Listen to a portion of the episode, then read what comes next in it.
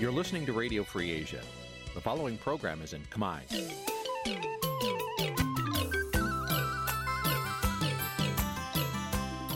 Nǐ ជាកម្មវិធីផ្សាយ Vuthu Azizi Serai នេះជាកម្មវិធីផ្សាយរបស់ Vuthu Azizi Serai ជាភាសាខ្មែរ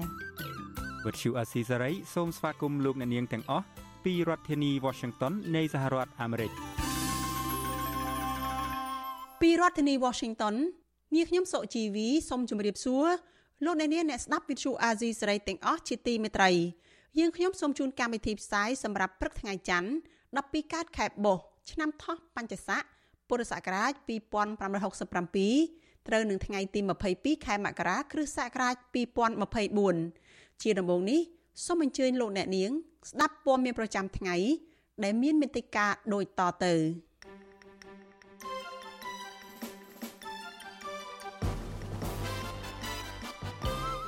គណៈបកភ្លើងទៀនតែងតាំងសមាជិកថ្នាក់ដឹកនាំមួយភាគធំបន្ថែមទៀតបន្ទាប់ពីអ្នកដឹកនាំកម្ពុជាកម្ពុជាជាច្រើនរូបទៅចូលរួមជាមួយគណៈបកឆន្ទៈខ្មែរបរដ្ឋនិងមន្ត្រីសង្គមស៊ីវិលថ្កោលទោសក្រុមហ៊ុនស្រាបៀថាជាឃាតករលាក់មុខសម្រាប់ពលរដ្ឋនៅក្នុងគ្រោះថ្នាក់ចរាចរណ៍កសិករនៅខេត្តបាត់ដំបងចោទអាជ្ញាធរថាប្រកាន់បកពួករឿងបើកទ្វារបង្ហូរទឹកដាក់ស្រូវ គណៈកម្មការដែលលោកហ៊ុនសែនបង្កើតឡើងកាលពី9ឆ្នាំមុនឲ្យរកឃាតករសម្រាប់លោកជាវិជា នៅតែមិនទាន់បង្ហាញព័ត៌មានអ្វីទាំងអស់ពីឃាតកម្មនេះរួមនឹងព័ត៌មានសំខាន់សំខាន់មួយចំនួនទៀតជាបន្តទៅទៀតនេះនាងខ្ញុំសុជីវីសូមជូនព័ត៌មានទាំងនេះពិស្ដា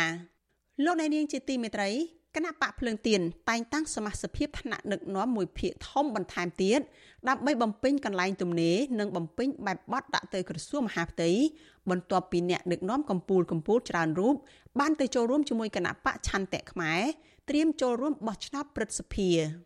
សេចក្តីប្រកាសព័ត៌មានស្តីពីសមាជវិសាមញ្ញរបស់គណៈបកភ្លើងទៀនដែលលោកទៀវវណ្ណុលជាប្រធាននៅថ្ងៃទី21ខែមករាម្សិលមិញនៅទីស្នាក់ការកណ្ដាលរបស់គណៈបក ដែលមានអ្នកចូលរួមប្រមាណ100នាក់ឲ្យដឹងថាគណៈបកនេះសម្រាប់បានលទ្ធផលជ្រើសតាំងបំពេញបន្ថែមសមាជិកគណៈកម្មាធិការនយោបាយចំនួន13រូបនិងបន្ថែមសមាជិកគណៈកម្មាធិការអចិន្ត្រៃយ៍2រូបសមាជគណៈបកភ្លើងទៀនក៏បានជ្រើសតាំងលោកស្រីគុណលំអងនិងលោកជាកំលីជាអនុប្រធានព្រមទាំងជ្រើសតាំងលោកជាពោចជាអគ្គហិរញ្ញិកនិងលោកហេងសាវឿនជាស្នងការគណនេយ្យអគ្គលេខាធិការគណៈបកភ្លើងទៀនលោកលីសុធារាយុទ្ធ ប្រាប់វិទ្យុអាស៊ីសេរីនៅថ្ងៃទី21ខែមករាថាការតែងតាំងនេះជាការបំពេញបន្ថែមនៅថ្នាក់ដឹកនាំទៅតាមតម្រូវការរបស់ក្រសួងមហាផ្ទៃដែលទាមទារឲ្យគណៈបកភ្លើងទៀនធ្វើបច្ចុប្បន្នភាពពីសមាជិកភាពថ្នាក់ដឹកនាំបន្ទាប់ពីថ្នាក់ដឹកនាំរបស់គណៈបកភ្លើងទៀនមួយចំនួនបានចាក់ចេញទៅបំពេញបេសកកម្មនៅគណៈបកឆន្ទៈខ្មែរដែលជាគណៈបកក្នុងសម្ព័ន្ធភាពដើម្បីត្រៀមខ្លួនចូលរួមការបោះឆ្នោតព្រឹទ្ធសភា ការរុះរើនិងជ្រើសតាំងក្បាលម៉ាស៊ីនដឹកនាំគណៈបកភ្លើងទៀននៅពេលនេះគឺដើម្បីបំពេញចំនួនតួនាទីរបស់លោកបណ្ឌិតសុកហាជលោកសុនឆៃលោកហុងសុកហួរលោកសីម៉ារ៉ាឌីនិងលោកកឹមសួរភិរិទ្ធជាដើមដែលបានទៅកាន់តំណែងកម្ពុជាកម្ពុជានៅគណៈបកឆន្ទៈខ្មែរដែលធ្វើសមាជនៅមួយថ្ងៃមុនសមាជរបស់គណៈបកភ្លើងទៀននេះសមាជរបស់គណៈបកឆន្ទៈខ្មែរកាលពីថ្ងៃទី20ខែមករាបានជ្រើសតាំងលោកសុកហាជឲ្យធ្វើជាប្រធានឯអតីតប្រធានគណៈបកនេះគឺលោកគង់មុនីកា កាន់តំណែងជាអគ្គលេខាធិការនៅពេលដែលលោកហុងសុកហួរលោកសុនឆៃនិងលោកសេងម៉ារ៉ាឌីបានក្លាយជាអនុប្រធានហើយលោកកឹមសុភិរិទ្ធជាអនុប្រធានក្រុមប្រឹក្សាវិន័យការរុះរើនិងជ្រើសតាំងក្បាលម៉ាស៊ីនដឹកនាំគណៈបកភ្លើងទៀននិងគណៈបកឆន្ទៈខ្មែរនៅគ្រានេះកើតមានឡើងនៅពេលដែលគណៈបកភ្លើងទៀនជួបឧបសគ្គត្រូវគណៈកម្មាធិការជាតិរៀបចំការបោះឆ្នោតកោជបហាមមិនអោយចូលរួមការបោះឆ្នោតព្រោះតែបាត់ឯកសារដើមរបស់គណៈបក ហើយមេដឹកនាំគណៈបកភ្លើងទៀនក៏នាំគ្នាផ្លាស់ទៅដឹកនាំគណៈបកឆន្ទៈខ្មែរដើម្បីសង្គ្រោះឱកាសចូលរួមការបោះឆ្នោតព្រឹទ្ធសភានៅក្នុងខែកុម្ភៈឆ្នាំ2024នេះ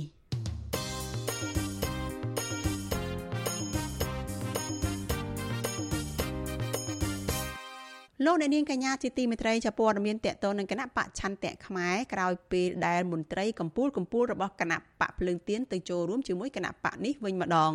ចាយុវជនចង់ឃើញមេដឹកនាំថ្មីរបស់គណៈបកឆន្ទៈខ្មែរ ចេះបង្រួបបង្រួមជាតិនិងតម្កល់ផលប្រយោជន៍ជាតិជាធំដើម្បីស្ដារលទ្ធិប្រជាធិបតេយ្យឡើងវិញការលើកឡើងនេះបន្ទាប់ពីគណៈបកឆន្ទៈខ្មែរបានធ្វើសមាជនិងសម្រេចតែងតាំងលោកបណ្ឌិតសុកហាជនិងមន្ត្រីជាន់ខ្ពស់គណៈបកភ្លើងទៀនមួយចំនួនជាក្បាលម៉ាស៊ីនដឹកនាំរបស់គណៈបកនេះចាលោកមានរិទ្ធរាយការណ៍ព័ត៌មាននេះ យុវជននិងអ្នកខ្លំមើលបញ្ហាសង្គមលើកឡើងថាការតែងតាំងបណ្ឌិតសុកហាជជាប្រធានគណៈបកឆន្ទៈខ្មែរគឺជារឿងល្អដើម្បីអាចចូលរួមបោះឆ្នោតជ្រើសតាំងសមាជិកព្រឹទ្ធសភានៅថ្ងៃទី25ខែកុម្ភៈខាងមុខអ្នកសិក្សាផ្នែកច្បាប់និងជាអ្នកតាមដានស្ថានភាពនយោបាយលោកលីច័ន្ទដារាវុធប្រវិជ្ជាអសីស្រីនៅថ្ងៃទី21ខែមករាថាលោកសាទរដែលលោកសុកហាជឡើងធ្វើជាប្រធានរបស់គណៈបច្ឆន្ទៈខ្មែរ ក៏ប៉ុន្តែលោកថាដើម្បីអាចទទួលបានការគ្រប់គ្រងច្រើនពីពលរដ្ឋនោះអ្នកនយោបាយគួរតែមានភាពចាស់ទុំក្នុងការដឹកនាំ លោករំពឹងថាក្បាលម៉ាស៊ីនដឹកនាំរបស់គណៈបច្ឆន្ទៈខ្មែរនឹងស្ដារលទ្ធិប្រជាធិបតេយ្យប្រសិនបើសមាជិកទាំងអស់រួបរวมគ្នាដូច្នេះបើសិនជាភាគីទាំងអស់មិនអាចស្វែងរកភាពត្រឹមត្រូវនៅក្នុងការតែងតាំងបេក្ខជនរបស់ខ្លួនឬក៏បែងចែកសម្លេងឬក៏មណ្ឌលចូលឈ្មោះឲ្យបានត្រឹមត្រូវទេខ្ញុំយល់ថាវាអាចជាចំណុចខ្សោយទៅវិញដែលធ្វើឲ្យសម្ព័ន្ធនឹងបែកបាក់នៅថ្ងៃអនាគតវិញហើយរឿងនេះយើងក៏ធ្លាប់ឃើញពីមុនមកដែរនៅក្នុងប្រវត្តិសាស្ត្រនយោបាយរបស់ប្រទេសកម្ពុជាដោយសម្ព័ន្ធភាពដែលបង្កើតឡើងហើយទីបំផុតទៅក៏រលាយទៅវិញដោយសារតែបញ្ហាផលប្រយោជន៍កាលពីថ្ងៃទី20ខែមករាគណៈបច្ឆន្ទៈខ្មែរបានធ្វើអង្គសមាជវិសាមញ្ញមួយនិងសម្រេចតែងតាំងថ្នាក់ដឹកនាំកម្ពុជាដែលភាកច្រើនមកពីគណៈបកភ្លើងទៀនរួមមានបណ្ឌិតសុកហាជជាប្រធានគណៈបកលោកហុងសុហួរលោកសុនឆៃលោកសេងម៉ារឌីជាអនុប្រធានគណៈបក និងលោកគង់មនីកាជាអគ្គលេខាបកជាដើមព្រមទាំងជ្រើសតាំងសមាជិកគណៈកម្មាធិការនយោបាយចំនួន32រូបនិងកែប្រែលក្ខន្តិកៈរបស់គណៈបកនេះមួយចំនួនដែរដោយឡែកប្រធានក្រុមប្រឹក្សាឃ្លាំមើលកម្ពុជា ដែលមានមូលដ្ឋាននៅប្រទេសណូវេលោកម៉ែនណាតយល់ឃើញថាការជ្រើសរើសលោកសុកហាជធ្វើជាប្រធានគណៈបច្ឆន្ទៈខ្មែរនៅពេលនេះគឺជាការសម្រេចចិត្តរបស់សមាជិកបក លោករំពឹងថាគណៈបច្ឆន្ទៈខ្មែរនឹងដំកល់ផលប្រយោជន៍ជាតិជាធំដែលងាកមកជជែកគ្នាជាមួយគណៈបកកម្លាំងជាតិដើម្បីបែងចែកកន្លែងគ្នាគ្រប់គ្រងគ្រួសារនិយមពុករលួយវំពៀនស្បោកគ្រប់បែបគ្រប់យ៉ាងអ្នកណាក៏រួមគ្រោះគ្រួសាររបបហ្នឹងដែរហើយគេត្រូវការ ចង់ផ្លាស់ប្ដូរមួយដ៏ដ៏ល្អដែរប៉ុន្តែដល់ពួកអ្នកវិទ្យាសាស្ត្រយើងយើងយកអារឿងទូចតាចនេះមកសាច់ទឹកដាក់គ្នាវាធ្វើឲ្យខូចប្រយោជន៍ធំណាតែជាអតីតកាលណាយើងវល់តែសាច់ទឹកដាក់គ្នាយើងភ្លេចអាល្បិចកលពួកកាន់ណាយហ្នឹងវាមានគំនិតអាក្រក់ ទូយ៉ាងណាអ្នកនាំពាក្យគណៈបកប្រជាជនកម្ពុជា លោកសុកអេសាន រំពឹងថាគណៈបកប្រជាជនកម្ពុជានឹងទទួលបានសម្លេងគាំទ្រច្រើនដោយសារតែលោកចោទថាគណៈបពប្រឆាំងកំពុងដណ្ដើមគ្នាធ្វើជាអ្នកប្រជាធិបតេយ្យ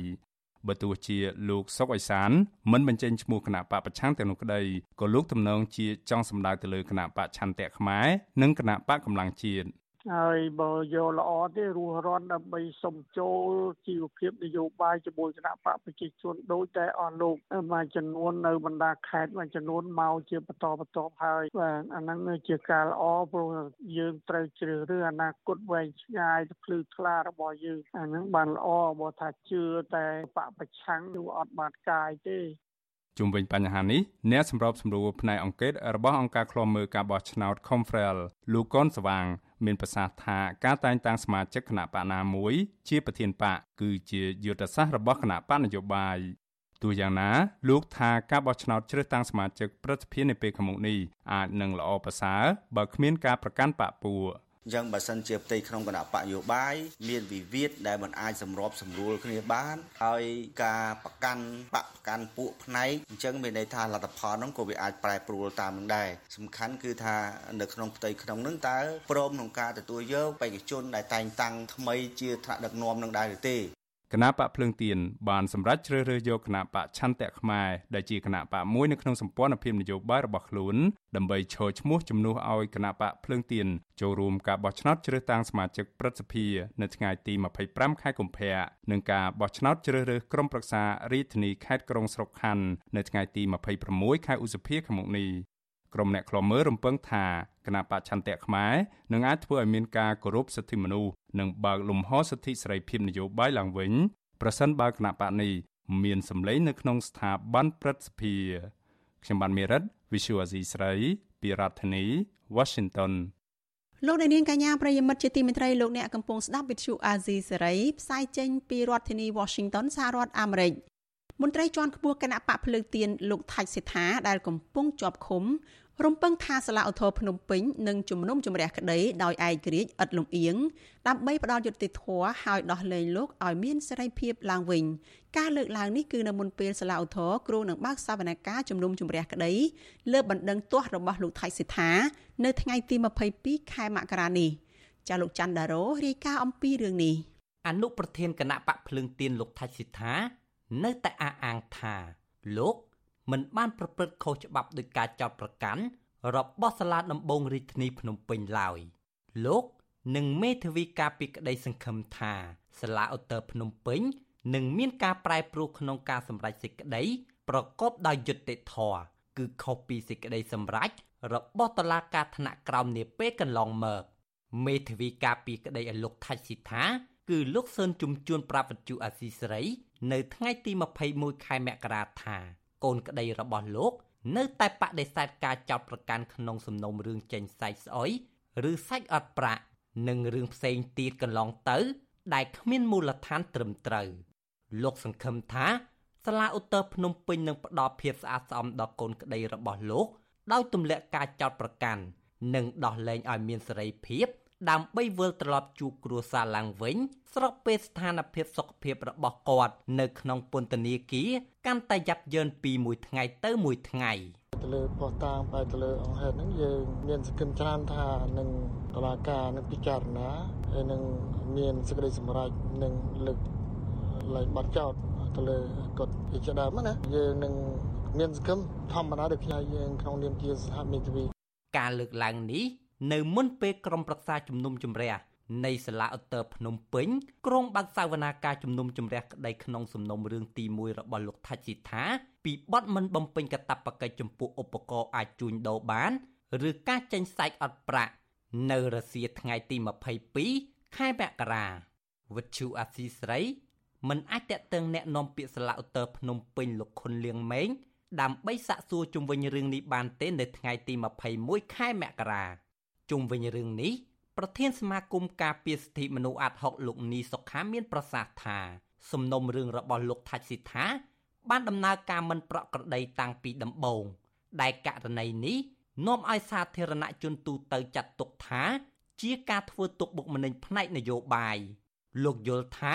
ស្ថានភាពនយោបាយនៅតែតានតឹងដោយសពថ្ងៃមន្ត្រីគណៈបកប្រឆាំងរូបនេះនឹងមិនទទួលបានការជំនុំជម្រះដោយយុត្តិធម៌ នឹងទទួលបានសេរីភាពឡើងវិញនោះទេស្ថានភាពនេះសម្រាប់ខ្ញុំជាអ្នកឃ្លាំមើលតាមដាននៅក្នុងរឿងនេះខ្ញុំមិនទាន់មានជំនឿហើយក៏មិនទាន់សូវសង្ឃឹមថាលោកថៃសិដ្ឋានឹងអាចរួចខ្លួនឬក៏នឹងអាចទទួលបាននៅយុត្តិធម៌ទេប៉ុន្តែទោះយ៉ាងណាក៏ដោយអ្វីដែលពួកយើងចង់ឃើញគឺចង់ឃើញអ្នកនយោបាយស្រុះស្រួលគ្នាចង់ឃើញអ្នកនយោបាយទាំងអស់ដែលជាប់ឃុំត្រូវបានដោះលែងឲ្យមានសេរីភាពដើម្បីឲ្យគាត់មកប្រគួតប្រជែងចូលរួមការកសាងប្រទេសជាមួយគ្នាណាក្នុងនាមជាទោះបីថាគាត់នៅក្នុងគណៈបកជំទាស់គណៈបកប្រឆាំងក៏ដោយក៏គាត់អាចជួយមកដល់ប្រទេសជាតិយើងនៅក្នុងការរួមចំណែកកសាងប្រទេសលោកថាច់ស៊ីថា មានវ័យ70ឆ្នាំមានដើមកំណើតខ្មែរក្រោមហើយលោកជាប្រធានសមាគមខ្មែរកម្ពុជាក្រោមនិងជាអនុប្រធានគណៈបកភ្លើងទៀនលោកត្រូវបានអាជ្ញាធរក្រុងភ្នំពេញចាប់ខ្លួនកាលពីថ្ងៃទី16ខែមករាឆ្នាំ2023ការចាប់ខ្លួននេះ ធ្វើឡើងតាមបណ្ដឹងរបស់ក្រុមហ៊ុនរិនឆាយផនសបដែលបានចោទលោកថាច់ស៊ីថាថាបានខ្ចីប្រាក់ពីក្រុមហ៊ុនមួយនេះចំនួន20,000ដុល្លារអាមេរិកកាលពីអំឡុងឆ្នាំ2011និងឆ្នាំ2012ខណៈម្ចាស់ក្រុមហ៊ុន លោកហៃវ៉ាន់រិនវិញត្រូវបានគេដឹងថាជាមនុស្សដែលស្និទ្ធនឹងគណៈបកប្រជាជនកម្ពុជា និងគ្រួសារលោកហ៊ុនសែនកាលពីខែកញ្ញា ឆ្នាំ2023តុលាការក្រុងភ្នំពេញ បានផ្ដន្ទាទោសឲ្យលោកជាប់ពន្ធនាគាររយៈពេល18ខែ ក្នុងសំណុំរឿងទី1តាក់ទងការចេញសែកស្អុយឬសែកអត់ប្រាក់ទោះបីលោកថាច់ស៊ីថាបានអះអាងនៅមុខតុលាការថាលោកមិនបានចេញសែកអត់ប្រាក់ដោយការចាត់ប្រកាន់ក៏ដោយ បន្ថែមពីលើនេះមួយខែបន្ទាប់មកតុលាការដដែល បានផ្ដន្ទាទោសលោកថាច់ស៊ីថាដាក់ពន្ធនាគារ3ឆ្នាំបន្ថែមទៀតក្នុងសំណុំរឿងថ្មីពីរផ្សេងគ្នា គឺពីបទញុះញង់បង្កឲ្យមានភាពវឹកវរធ្ងន់ធ្ងរដល់សន្តិសុខសង្គមនិងញុះញង់ឲ្យមានការរើសអើងពូជសាសន៍តាក់ទងនឹងលោកនិយាយពីប្រវត្តិគណៈបកប្រជាជនកម្ពុជាស្តុបមិត្តភាពកម្ពុជាវៀតណាមនៅប្រវត្តិ7មករាក្នុងវេទិកាជាមួយអ្នកគាំទ្រនៅក្រៅប្រទេសកាលពីខែមករាឆ្នាំ2023ចំណែកសហគមន៍ជាតិនិងអន្តរជាតិទាមទារឲ្យរដ្ឋាភិបាលលោកហ៊ុនម៉ាណែត បញ្ឈប់ការធ្វើទុកបុកម្នេញគ្រប់ទម្រង់ជាបន្ទាន់និងអំពាវនាវឲ្យដោះលែងលោកថាច់សិដ្ឋានិងសកម្មជននយោបាយផ្សេងទៀតដោយឥតលក្ខខណ្ឌខ្ញុំបាទច័ន្ទដារោវុទ្ធុអាស៊ីសេរីលោកនាងកញ្ញាជាទីមេត្រីងាកមកព័ត៌មានតកតងនឹងការការពារធនធានធម្មជាតិនិងព្រៃឈើវិញម្ដងម្ចាស់ក្រុមហ៊ុនអង្គរ Flywood ដែលល្បីរឿងអ ுக ្រិតកម្មព្រៃឈើអះអាងថា ព្រៃឈើធំធំនៅកម្ពុជាសល់មិនលើសពី15%ខណៈព្រៃឈើទូទាំងប្រទេសសល់ប្រមាណ35%ប៉ុណ្ណោះសង្គមស៊ីវិលនិងសកម្មជនការពារព្រៃឈើលើកឡើងថាក្រុមហ៊ុនអង្គរ Flywood របស់លោកជាពៅនេះហើយដែលនៅពីក្រោយការកាប់បំផ្លាញព្រៃឈើច្រើនជាងគេនៅកម្ពុជា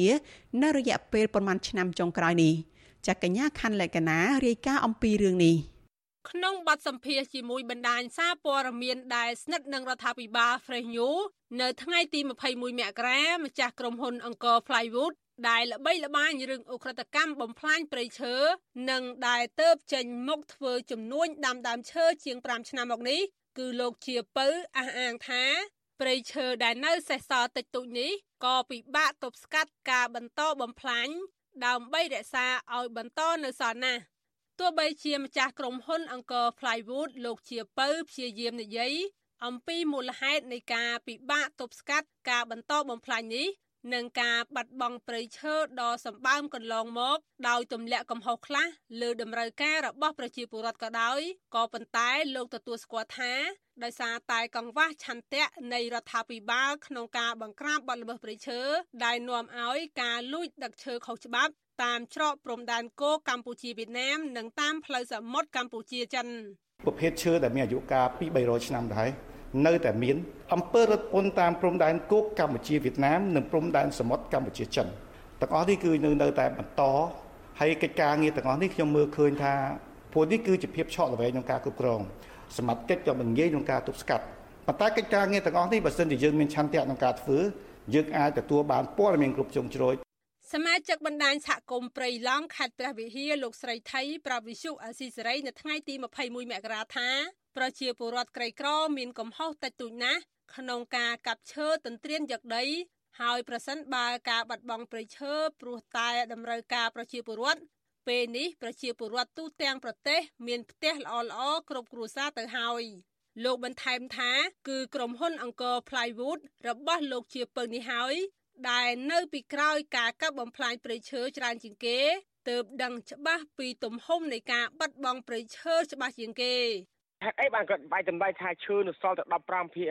បានគាត់ដឹងពីណាមកបានគាត់បាយតម្លៃចុះមានន័យថាគាត់ឲ្យអ្នកបំផ្លាញនឹមឈើចេញដែលធ្វើមិនចេះឈប់មិនចេះឈរនេះបើជាប់ប្រកាន់លើប្រជាពលរដ្ឋខ្ញុំទូទៅខ្ញុំថាអត់ទទួលយកគាត់ទៅបានទេភាសានោះអត់អត់អត់បានទេខ្ញុំមើលដោយស្រាប់តែមានក្រុមហ៊ុននៅពីក្រោយនោះហើយបានជាអាឈើនឹមចេញចិត្តតែមានណាក្នុងឆ្នាំ2019ទីភ្នាក់ងារសហរដ្ឋអាមេរិកសម្រាប់កិច្ចអភិវឌ្ឍអន្តរជាតិ USAID និងប្រតិភូសហភាពអឺរ៉ុបប្រចាំកម្ពុជា បានចោទប្រកាន់ក្រុមហ៊ុនអង្គរ Plywood ពាក់ព័ន្ធនឹងការកែច្នៃឈើខុសច្បាប់ដោយខុសខិតគ្នាជាមួយក្រុមហ៊ុន Sing Biotech ដែលបានកាប់ឈើខុសច្បាប់នៅក្នុងតំបន់ព្រៃឡង់រីឯរបាយការណ៍56ទំព័ររបស់អង្គការគំនិតប្រួយផ្ដើមសកលប្រឆាំងអ ுக ្រិតកម្មឆ្លងដែនដែលមានអង្គការចាត់តាំងចេញផ្សាយកាលពីខែមិនិនាឆ្នាំ2021រកឃើញថា កម្ពុជាបាត់បង់គម្របព្រៃឈើកន្លះលានហិកតាក្នុងរយៈពេលជាង10ឆ្នាំហើយរបាយការណ៍នេះក៏បានបញ្ចេញឈ្មោះក្រុមហ៊ុន Symbiotic និងក្រុមហ៊ុនអង្គរ Plywood ក្នុងចំណោមក្រុមហ៊ុនល្បីល្បាញកាប់ឈើច្រើនជាងគេផ្សេងទៀតជាអ្នកប្រព្រឹត្តអ ுக ្រិតកម្មព្រៃឈើផង និងក្នុងរយៈពេលចុងក្រោយคล้ายជាអ្នករកស៊ីដាំដើមឈើផង លោកជាពៅបានបញ្យល់ថា ការបាត់បង់ព្រៃឈើនឹងបង្កហានិភ័យច្រើន ដូចជាប៉ះពាល់បរិស្ថាននិងនាំគ្រោះមហន្តរាយដល់ប្រជាពលរដ្ឋជាដើមធ្វើឲ្យដីយើងខ្វះជីជាតិទន្លេបឹងបួរយើងនេះរីស្ងួតដោយសារតែអត់មានអីវាទប់ទៅនឹងពេលដែលមេឃភ្លៀងចេញមកព្រោះយើងកាប់អស់ទៅអញ្ចឹងអាខ្សាច់អាដីនេះវាហូរចូលបឹងទៅវារាំងស្ងួតហើយការបាត់បង់ព្រៃឈើនេះទៀតសោតផ្ដល់នៅគ្រោះមហន្តរាយនានាជាពិសេសគឺទឹកជំនន់ហើយអ្នកដែលរងគ្រោះដោយសារបញ្ហានៃគ្រោះមហន្តរាយនេះគឺប្រជាពលរដ្ឋ វត្តជាអាស៊ីសេរីមិនអាចសុំការអធិប្បាយបញ្ហានេះពីអ្នកនាំពាក្យក្រសួងបរិស្ថានលោកផៃប៊ុនឈឿនបានទេនៅថ្ងៃទី21មករាដោយលោកប្រាប់ថាជាប់រវល់បើកឡានទោះជាយ៉ាងណាមន្ត្រីសម្របសម្រួលគម្រោងនៃសមាគមបណ្ដាញយុវជនកម្ពុជាលោកអូឡាទីនប្រាប់វិសុអាស៊ីសេរីថាដើមចោមដែលនាំឲ្យបាត់បង់ព្រៃឈើមិនមែនដោយសារតែពលរដ្ឋតូចតាចទេប៉ុន្តែព្រោះតែរដ្ឋាភិបាលបើកឲ្យក្រុមហ៊ុននាំឈើធ្វើប្រតិបត្តិអាជីវកម្មទូលំទូលាយពេករួមទាំងបើកសិទ្ធឲ្យក្រុមហ៊ុនឯកជនខ្លះឈូសឆាយព្រៃពាក់ព័ន្ធនឹងអំពើពុករលួយ និងកំសោយនៃការអនុវត្តច្បាប់ដូចជាករណីតំណាងក្រុមហ៊ុនអញ្ចឹងក្រុមហ៊ុនគាត់គឺកន្លងទៅគឺនាំឈើចេញទៅក្រៅជាច្រើនណាហើយឈើនឹងបានមកពីណាគឺបានពីព្រៃឈើនឹងឯងព្រៃឈើជាព្រៃរបស់រដ្ឋកាលណាកាប់បំផ្លាញចិត្តអស់ហើយគាត់និយាយអញ្ចឹងអានឹងវារឿងត្រឹមត្រូវប៉ុន្តែសំខាន់តែចំណូលនឹងបានទៅលើអ្នកណាគឺបានទៅលើប្រកួតនឹងឯងចេញមួយនិយាយថាកាប់ឈើនឹងរងផលប៉ះពាល់រងផលប៉ះពាល់មែនប៉ុន្តែអ្នកណាអ្នកធ្វើឲ្យរងផលប៉ះពាល់គឺដោយសារតែក្រុមហ៊ុនទាំងអស់នឹងឯងអ្នកធ្វើអាជីវកម្មឈើអ្នកនាំឈើចេញក្រៅប្រទេសបាទសកម្មជនការពារព្រៃឈើស្នើរដ្ឋាភិបាលស៊ើបអង្កេតលើក្រុមហ៊ុនអង្គរ Flywood ហើយបើរដ្ឋាភិបាលរកឃើញក្រុមហ៊ុននេះជាប់ពាក់ព័ន្ធនឹងការកាប់បំផ្លាញនិងនាំឈើទៅលក់នៅក្រៅប្រទេសខុសច្បាប់ដោយការលើកឡើងរបស់ប្រជាពលរដ្ឋនិងសហគមន៍មែននោះ រដ្ឋាភិបាលត្រូវបិទក្រុមហ៊ុនមួយនេះពីព្រោះការបាត់បង់ព្រៃឈើនៅតំបន់ព្រៃឡង់គឺជាការរួមចំណែកដ៏ធំសម្បើមរបស់ក្រុមហ៊ុនមួយនេះខ្ញុំខណ្ឌលក្ខណាវុទ្ធុអាស៊ីសេរីលោកអ្នកនាងកញ្ញាប្រិយមិត្តជាទីមេត្រីសាច់ញាតិជនរងគ្រោះបាត់បង់ជីវិតនៅក្នុងហេតុការណ៍គ្រោះថ្នាក់ចរាចរណ៍ស្នើដល់រដ្ឋាភិបាលឲ្យបង្កើនវិធានការគ្រប់គ្រងគ្រឿងស្រវឹងដើម្បីបង្ការអត្រាមរណភាពពលរដ្ឋកម្ពុជា ពលរដ្ឋនិងមន្ត្រីអង្គការសង្គមស៊ីវិលថ្កោលទោសក្រុមហ៊ុនស្រាបៀដែលជាឃាតករលាក់មុខឆក់យកជីវិតពលរដ្ឋកម្ពុជារាប់ពាន់នាក់នៅក្នុងមួយឆ្នាំមួយឆ្នាំ។ការលើកឡើងរបស់សាច់ញាតិជនរងគ្រោះនេះបន្ទាប់ពីមានករណីគ្រោះថ្នាក់ចរាចរណ៍បង្កដោយអ្នកបើករថយន្តទំនើប Mack Ford Ranger គឺលោកនាងសំអូនដែលជាមន្ត្រីក្រសួងសេដ្ឋកិច្ចកាលពីយប់ថ្ងៃទី20ខែមករាដោយបានបើកបរឡាននៅក្នុងលបឿនលឿនក្នុងស្ថានភាពស្រវឹង ទៅបុករថយន្ត2គ្រឿងនិងម៉ូតូចំនួន4គ្រឿងខណៈពួកគាត់កំពុងរងចាំភ្លើងស្តុបពណ៌ក្រហមបណ្ដាលឲ្យមនុស្ស4នាក់ស្លាប់នៅនឹងកន្លែងកើតហេតុនៅចំណុចក្រោមស្ពានអាកាសឫស្សីកែវក្នុងខណ្ឌឫស្សីកែវរាជធានីភ្នំពេញនិងមនុស្ស2នាក់ផ្សេងទៀតរងរបួសធ្ងន់ អញ្ញាធរឲ្យដឹងទៀតថាជនបង្កត្រូវបានបញ្ជូនទៅការិយាល័យចរាចរណ៍ផ្លូវគោករាជធានីភ្នំពេញដើម្បីអនុវត្តតាមនីតិវិធីនេះបើតាមការចុះផ្សាយនៅលើទំព័រ Facebook ផ្លូវការរបស់ស្នងការដ្ឋាននគរបាលរាជធានីភ្នំពេញ។បងថ្លៃជនរងគ្រោះមួយរូបកញ្ញាង៉ែតស្រីពៅដែលបានបាត់បង់ជីវិតនៅក្នុងហេតុការណ៍គ្រោះថ្នាក់ចរាចរណ៍នោះគឺលោកខឿងហ៊ីងលោកប្រាវិទ្យុអាស៊ីសេរីនៅថ្ងៃទី11ខែមករាទាំងយំខ្សឹបខ្សួលថា លោកពិតជាសោកស្ដាយចំពោះការបាត់បង់ប្អូនស្រីជាទីស្រឡាញ់របស់លោកណាស់លោកថាប្អូនស្រីលោក ជាមនុស្សស្លូតបូតតស៊ូរៀនសូត្ររហូតដល់ថ្នាក់ឆ្នាំទី3នៅក្នុងជំនាញស្ថាបត្យកម្មទោះជាគាត់ជាក្មេងកំព្រាក្តីលោកបន្តថាមកទល់នឹងពេលនេះក្រុមគ្រួសារកំពុងតែរៀបចំពិធីបុណ្យសពប្អូនស្រីស្របពេលដែលស្ថានភាពរបស់គ្រួសារកំពុងតែលំបាក លោកស្នើដល់រដ្ឋាភិបាលឲ្យបង្កើតវិធានការគ្រប់គ្រងគ្រឿងស្រវឹងដើម្បីបង្ការគ្រោះថ្នាក់ចរាចរណ៍ដែលបណ្ដាលមកពីអ្នកបើកបរនៅក្នុងស្ថានភាពស្រវឹងហើយចំពោះខ្ញុំផ្ទាល់ខ្ញុំស្ដោកសោកស្ដាយយ៉ាងក្រៃលែងចំពោះប្អូនស្រីខ្ញុំតែគាត់ក៏ជានិស្សិតផ្សេងមួយរូបដែលគាត់ការតស៊ូពុះពីរដ្ឋឧបសគ្គទោះបីជាមានញ៉ាំមានហូបមានអីក៏គាត់អត់តែល្អគាត់សំខាន់គឺគាត់ឆ្លាញ់ការសិក្សារបស់គាត់ តែជាអក្សរដោយសារតែជនមួយចិត្តតូចគាត់បំពេញនឹងវិសានៅគ្រឿងរវឹងធ្វើឲ្យគាត់បើកបរมันគិតពីអាយុជីវិតរបស់អ្នកដទៃ កាលពីពេលថ្មីថ្មីនេះក្រសួងសុខាភិបាលបានចេញសេចក្តីប្រកាសព័ត៌មានស្តីពីផលប៉ះពាល់សុខភាពពីការប្រើប្រាស់ផលិតផលគ្រឿងស្រវឹងដែលបង្ហាញពីផលប៉ះពាល់ធ្ងន់ធ្ងរចំពោះសុខភាព និងស្នើដល់ស្ថាប័នផ្សេងទៀតឲ្យចូលរួម និងទប់ស្កាត់ការប្រើប្រាស់ផលិតផលគ្រឿងស្រវឹងតាមរយៈការរៀបចំឯកសារច្បាប់នានាមួយវិញទៀត ក្រសួងព័ត៌មានក៏បានចេញលិខិត ស្ដីពីការផ្សព្វផ្សាយពាណិជ្ជកម្មផលិតផលគ្រឿងស្រវឹងថាដើម្បីទប់ស្កាត់ការផ្សព្វផ្សាយការលើកទឹកចិត្តការអូសទាញពលរដ្ឋឲ្យប្រើប្រាស់គ្រឿងស្រវឹងផងដែរវិទ្យុអាស៊ីសេរីនៅមិនទាន់អាចតាក់ទងប្រធានអង្គភិបអ្នកនាំពាក្យរដ្ឋាភិបាលលោកប៉ែនបូណា និងអ្នកនាំពាក្យក្រសួងព័ត៌មានលោកទេពអាសនារិទ្ធដើម្បីសុំការឆ្លើយតបបញ្ហានេះបាននៅឡើយទេ នៅថ្ងៃទី21ខែមករា ក្រោយពីហេតុការណ៍គ្រោះថ្នាក់ចរាចរណ៍ឆក់យកជីវិតមនុស្សកើនឡើងពលរដ្ឋប្រើប្រាស់បណ្ដាញសង្គមជាច្រើន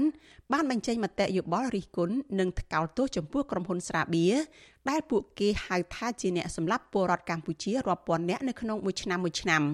អ្នកប្រើប្រាស់បណ្ដាញសង្គមម្នាក់លោកសវណ្ណសុកបានបង្ហោះសំណេរភ្ជាប់នឹងរូបភាពផ្សព្វផ្សាយស្រាបៀរហួហេតុបណ្ដាលឲ្យជនរងគ្រោះស្លាប់នៅក្នុងថ្លុកឈាម នៅលើ Facebook របស់លោកថា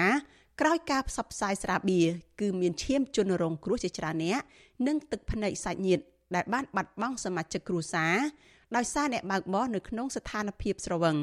លោកបន្តថាការសប្បាយរបស់អ្នកមួយពេលធ្វើឲ្យក្រុមគ្រួសាររបស់អ្នកដតីមានវិបដិសារីមួយជីវិត លោកបន្ថែមថាក្រុមហ៊ុនស្រាបៀរមួយចំនួនបានផ្សព្វផ្សាយថាក្រុមហ៊ុនស្រាបៀររបស់ខ្លួនជាមោទនភាពជាតិប៉ុន្តែការពិតវាជាមរណភាពជាតិ របាយការណ៍ក្រសួងមហាផ្ទៃបង្ហាញថាប្រជាពលរដ្ឋបានបាត់បង់ជីវិតដោយសារគ្រោះថ្នាក់ចរាចរណ៍នៅក្នុងឆ្នាំ2013មានចំនួនជិត2000នាក់ប្រធានសមាគមសម្ព័ន្ធនិស្សិតបញ្ញវន្តខ្មែរលោកកើតសរាយ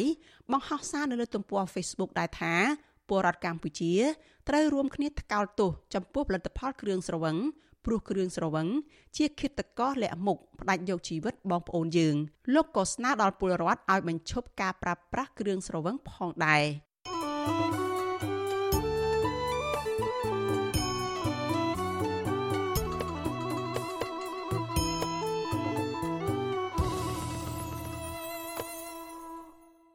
លោកអ្នកនាងកំពុងស្ដាប់វិទ្យុអាស៊ីសេរីផ្សាយចេញពីរដ្ឋធានី Washington សហរដ្ឋអាមេរិកចាប់ព័ត៌មានតកតងនឹងពលរដ្ឋខ្មែរដែលរងគ្រោះដោយសារតែកម្ចីអនឡាញដែលមិនស្របច្បាប់វិញម្ដងពលរដ្ឋរងគ្រោះពីកម្ចីអនឡាញស្នើឲ្យអាជ្ញាធរពាក់ព័ន្ធ គួរមានវិធានការផ្លូវច្បាប់ទៅលើក្រុមហ៊ុនឆបោកតាមអនឡាញតាមរយៈការផ្ដល់ប្រាក់កម្ចីឲ្យបានឆាប់ដើម្បីបញ្ចប់ការគំរាមកំហែងទៅលើជនរងគ្រោះមន្ត្រីអង្គការសង្គមស៊ីវិលលើកឡើងថាដើម្បីទប់ស្កាត់កម្ចីអនឡាញដោយប្រសិទ្ធភាពសមត្ថកិច្ចគួរអន្តរាគមន៍សហការជាមួយធនាគារភ្លាមភ្លាមនៅពេលមានបណ្ដឹងពីជនរងគ្រោះកម្ចីអនឡាញទាំងនោះចាលោកមានរិទ្ធមានសេចក្តីរាយការណ៍មួយទៀតអំពីរឿងនេះ ពលរដ្ឋរងគ្រោះពីកម្ចីអនឡាញម្នាក់លើកឡើងថាបើទោះបីជាលោកស្រីឈប់ឆ្លើយឆ្លងគ្នាជាមួយភ្នាក់ងាររកកម្ចីអនឡាញអស់រយៈពេលជិត2ឆ្នាំមកហើយក្តីក៏ក្រុមកម្ចីអនឡាញនៅតែបន្តគំរាមកំហែងលោកស្រីនិងក្រុមគ្រួសារជនរងគ្រោះកម្ចីអនឡាញនៅក្នុងរាជធានីភ្នំពេញម្នាក់គឺលោកស្រីអុកផាងសុផាណែតប្រាវិសុអាស៊ីស្រីនៅថ្ងៃទី21ខែមករាថាលោកស្រីបានចាញ់បោកប្រាក់កម្ចីអនឡាញជាង20000ដុល្លារកាលពីដើមឆ្នាំ2022 ដោយចាប់ផ្ដើមខ្ចីប្រាក់ដំបូង50ដុល្លារជាមួយនឹងការចងប្រាក់15ដុល្លារក្នុងមួយសប្តាហ៍លោកស្រីបន្តថាបើទោះបីជាលោកស្រីបានដាក់ពាក្យបណ្ដឹងទៅស្នងការនគរបាលខណ្ឌអង្ការរួចហើយតាំងពីខែឧសភាឆ្នាំ2022យ៉ាងណាក្តីក៏សមត្ថកិច្ចនៅមិនទាន់មានវិធានការផ្លូវច្បាប់ទៅលើក្រុមបោកប្រាស់កម្ចីអនឡាញដែលនៅតែបន្តគំរាមកំហែងនិងទាមទារឲ្យលោកស្រីបន្តផ្ទេរលុយទៅឲ្យពួកគេទៀតនោះទេភាគច្រើនគឺគាត់ឲ្យយើងដាក់ ABA ហើយវិញនឹងឯងបង ពួក ABA មានលេខឈ្មោះមានអីអញ្ចឹងពួកបង្កើត ABA មានតញ្ញបានមានអីអញ្ចឹងគាត់គួរតែស្រាវជ្រាវចាប់ប្រថាតើទីតាំងនៅណាអីណាដើម្បីឲ្យគាត់ចាត់ចែងតាមផ្លូវច្បាប់អញ្ចឹងបងព្រោះភាគរយការប្រាក់ហ្នឹងវាខុសពីផ្លូវច្បាប់ទាំងស្រុងតែម្ដងវិសុវអាស៊ីស្រីមិនអាចតេតូនយោគឋានប្រឆាំងបទល្មើសបច្ចេកវិទ្យាដើម្បីបកស្រាយជុំវិញបញ្ហានេះបាននៅឡើយទេនៅថ្ងៃទី21ខែមករា ទោះជាយ៉ាងណាទំព័រ Facebook របស់នាយកដ្ឋានប្រឆាំងបទល្មើសបច្ចេកវិទ្យាបានប្រកាសថាជនរងគ្រោះកម្ចីអនឡាញអាចដាក់ពាក្យប្តឹងទៅនាយកដ្ឋាននៅក្នុងបរិវេណក្រសួងមហាផ្ទៃដោយផ្ទាល់តែម្ដងក្រុមផ្ដល់ប្រាក់កម្ចីអនឡាញបានផ្ដល់លក្ខខណ្ឌងាយស្រួលនៅពេលផ្ដល់ប្រាក់កម្ចីដោយតម្រូវឲ្យអ្នកខ្ចីប្រាក់គ្រាន់តែថតអត្តសញ្ញាណប័ណ្ណនិងរូបថតមួយសន្លឹកតែប៉ុណ្ណោះដើម្បីទទួលបានប្រាក់កម្ចី បន្ទាប់ពីទទួលបានប្រាក់កម្ចីលើកទី1ហើយជនរងគ្រោះនឹងងាយស្រួលនៅក្នុងការទទួលបានប្រាក់កម្ចីអនឡាញផ្សេងៗទៀតដែលជាបណ្ដាញរបស់ក្រុមកម្ចីអនឡាញដែលមិនតម្រូវឲ្យបំពេញឯកសារអ្វីទៀតនោះទេដោយសារតែអត្រាការប្រាក់ខ្ពស់ហួសហេតុចាប់ពី20ទៅ30%ក្នុងមួយសប្តាហ៍ដូច្នេះហើយជនរងគ្រោះក៏ងាយធ្លាក់ចូលទៅក្នុងអន្ទាក់បំណុលដោយត្រូវខ្ចីលុយកម្ចីអនឡាញនិងមនុស្សជុំវិញខ្លួនដើម្បីបង្វិលសងប្រាក់ជារៀងរាល់ថ្ងៃ លោកស្រីអុកផាងសុផាណែតលើកឡើងថានៅពេលមិនមានលុយសងគ្រប់ចំនួនតាមពេលវេលាកំណត់ភ្នាក់ងារកម្ចីអនឡាញតែងទូរស័ព្ទឬផ្ញើសារពាក្យអសុរោះនិងគម្រាមសម្រាប់លោកស្រីនិងគ្រួសារទៀតផងលោកស្រីថាក្រុមកម្ចីអនឡាញក៏បានបង្ហោះរូបថតលោកស្រីនិងប្តីនៅលើបណ្ដាញសង្គម Facebook ដោយចោទប្រកាន់ថាជាជនឆបោកដែលធ្វើឲ្យលោកស្រីរងនឹងការប៉ះទង្គិចផ្លូវចិត្តធ្ងន់ធ្ងរ ជុំវិញរឿងនេះនាយកទទួលបន្ទុកកិច្ចការទូតនៃអង្គការឃ្លាំមើលសិទ្ធិមនុស្សលីកាដូលោកអំសមាត មានប្រសាសន៍ថាកម្ចីអនឡាញគឺជាបទល្មើសឆបោកតាមបច្ចេកវិទ្យាដែលរំលោភសិទ្ធិធ្ងន់ធ្ងរទៅលើជនរងគ្រោះ លោកបន្តថាដើម្បីទប់ស្កាត់ការឆបោកតាមបែបកម្ចីអនឡាញឲ្យមានប្រសិទ្ធភាពអាជ្ញាធរពាក់ព័ន្ធគួរអន្តរាគមន៍ជួយជនរងគ្រោះភ្លាមៗតាមរយៈការសហការជាមួយធនាគារដែលផ្ទេរលុយទៅវិញទៅមកយើងឃើញនគរបាលក៏យើងមាននាយកដ្ឋានទៅប្រឆាំងបទល្មើសចែកជារបស់ក្រសួងអាផ្ទៃដើម្បីជួយទៅលើបញ្ហាទាំងអស់ហ្នឹងដែរ អញ្ចឹងនៅពេលដែលទទួលបណ្ដឹងរបស់ជាពលរដ្ឋត្រូវតែមានចំណាត់ការតាមផ្លូវច្បាប់ទៅដូចជារឿង account ABA ឬក៏ account ធនាគារផ្សេងផ្សេងបើរកទៅឃើញអាហ្នឹងសូមគេបិទឬក៏ផ្អាកផ្ដោះសតដើម្បីចាត់វិធានការទៅលើរឿងនឹងបានដែរក្រៅពីប្រឈមនឹងវិបត្តិហិរញ្ញវត្ថុហើយនោះ ជនរងគ្រោះពីកម្ចីអនឡាញភ ieck ច្រើនក៏តែងតែរងនឹងការប៉ះទង្គិចផ្លូវចិត្តធ្ងន់ធ្ងរដោយសារតែភ្នាក់ងារកម្ចីអនឡាញតែងទូរស័ព្ទទៅសាច់ញាតិនិងក្រុមគ្រួសាររបស់ជនរងគ្រោះឲ្យជួយសងលុយដោយលើកហេតុផលថាជនរងគ្រោះបានដាក់ឈ្មោះអ្នកទាំងនោះជាអ្នកធានាសងជនរងគ្រោះលើកឡើងថាបើទោះបីជាមានអ្នកសងប្រាក់ជំពាក់រួចហើយទាំងអស់ក្តីក៏ក្រុមកម្ចីអនឡាញនឹងមិនបញ្ឈប់ការទាមទារឲ្យសងប្រាក់នោះឡើយ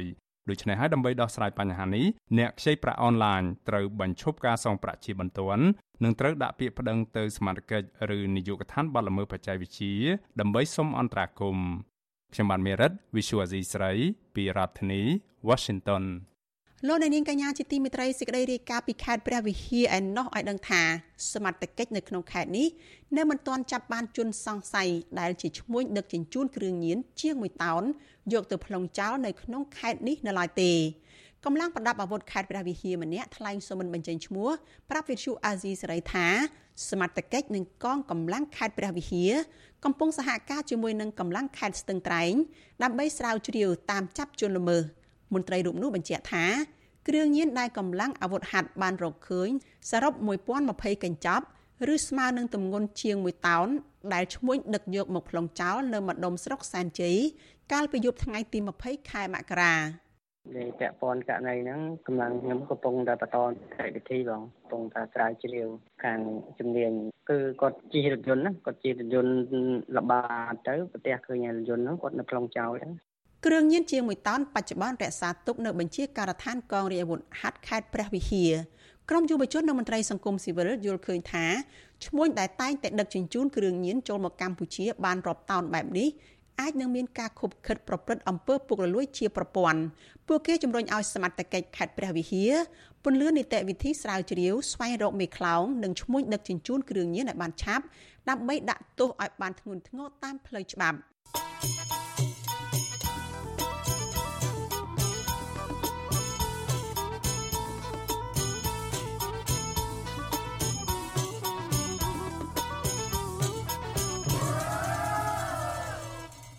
លោកអ្នកនាងកញ្ញាប្រិយមិត្តអ្នកស្ដាប់ជាទីមេត្រីអាណាព្យាបាលកុមាររងគ្រោះដោយសារម្សៅទឹកដោះគោ Nutrilett ទទូចឲ្យសាឡាអូតូពន្លឿនការកាត់ក្តីសំណុំរឿងក្រុមហ៊ុនមួយនេះដោយមិនត្រូវលើកយកហេតុផលថាពួកគាត់គ្មានភ័ស្តុតាងមកពន្យាពេលតទៅទៀតមន្ត្រីសង្គមស៊ីវិលជំរុញឲ្យសាឡាអូតូប្រញាប់បញ្ចប់សំណុំរឿងនេះដើម្បីផ្ដល់យុត្តិធម៌ទៅឲ្យកុមាររងគ្រោះចាលោកយ៉ងច័ន្ទដារារាយការណ៍អំពីរឿងនេះ អាណាព្យាបាលកុមាររងគ្រោះដោយសារម្សៅទឹកដោះគោ Nutrilett ប្រាប់ថាពួកគាត់មិនទាន់ទទួលបានដីកាកោះហៅពីសាឡាវធរដើម្បីរកយុត្តិធម៌ឲ្យកូនរបស់ពួកគាត់នៅឡើយទេក្រោយពីតុលាការកំពូលសម្រេចបង្វិលសំណុំរឿងនេះត្រឡប់ទៅសាឡាវធររយៈពេល1ខែទៅហើយម្ដាយកុមាររងគ្រោះលោកស្រីប៉ុនពេជ្រវតាប្រាប់វិទ្យុអាស៊ីសេរីនៅថ្ងៃទី20មករាថាលោកស្រីរួមទាំងអាណាព្យាបាលក្មេងរងគ្រោះដទៃទៀតកំពុងរងចាំការកោះហៅរបស់សាឡាវធរ ពីព្រោះសំណុំរឿងនេះអូសបន្លាយពេលជាង3ឆ្នាំមកហើយ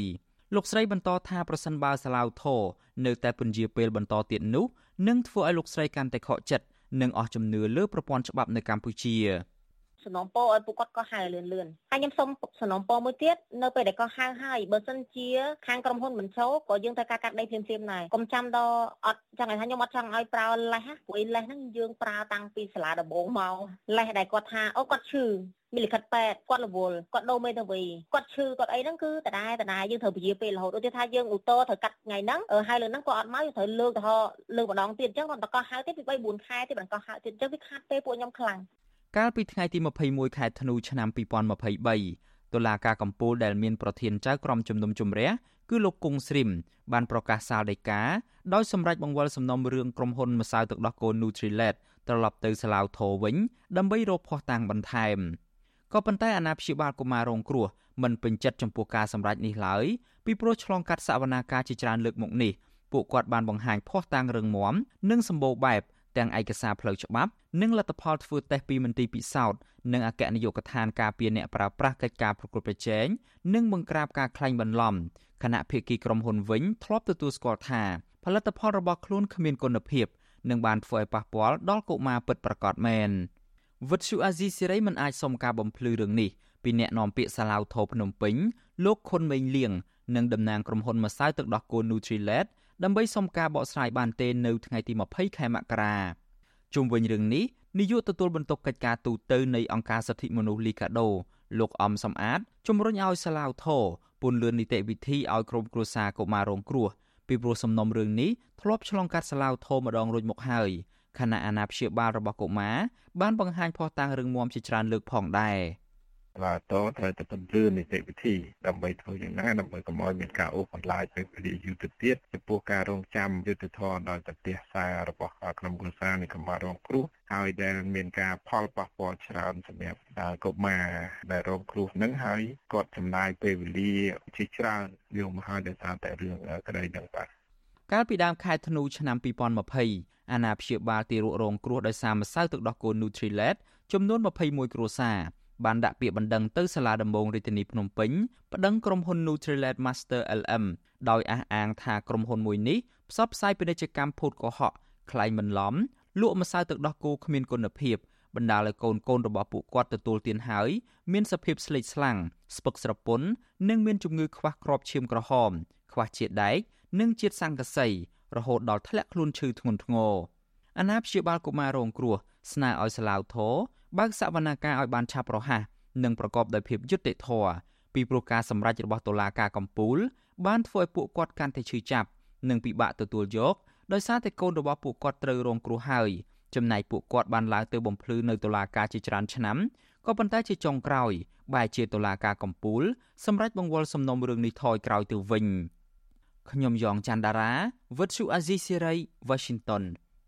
លោកអ្នកនាងកញ្ញាជាទីមេត្រីសេចក្តីរាយការណ៍ពីខេត្តបាត់ដំបងឯណោះដំណាំស្រូវរបស់ប្រជាកសិករនៅក្នុងស្រុករុក្ខគិរីនិងស្រុកមោងរិស័យរាប់ពាន់ហិកតាងាប់អស់ដោយសារតែគ្មានទឹកស្រោចស្រពកសិករអះអាងថាបញ្ហានេះកើតឡើងដោយសារតែអាជ្ញាធរពាក់ព័ន្ធប្រកាន់បពុះនិងមិនជួយអន្តរាគមន៍បើកទ្វារទឹកឲ្យបានទាន់ពេលវេលា លោកជីវិតារាយការណ៍ព័ត៌មាននេះប្រជាកសិករនៅស្រុករុក្ខគិរីអះអាងថា ទឹកតាមដងអូរនិងស្ទឹងមានច្រើន អាចសង្គ្រោះដំណាំស្រូវរបស់ពួកគាត់បាន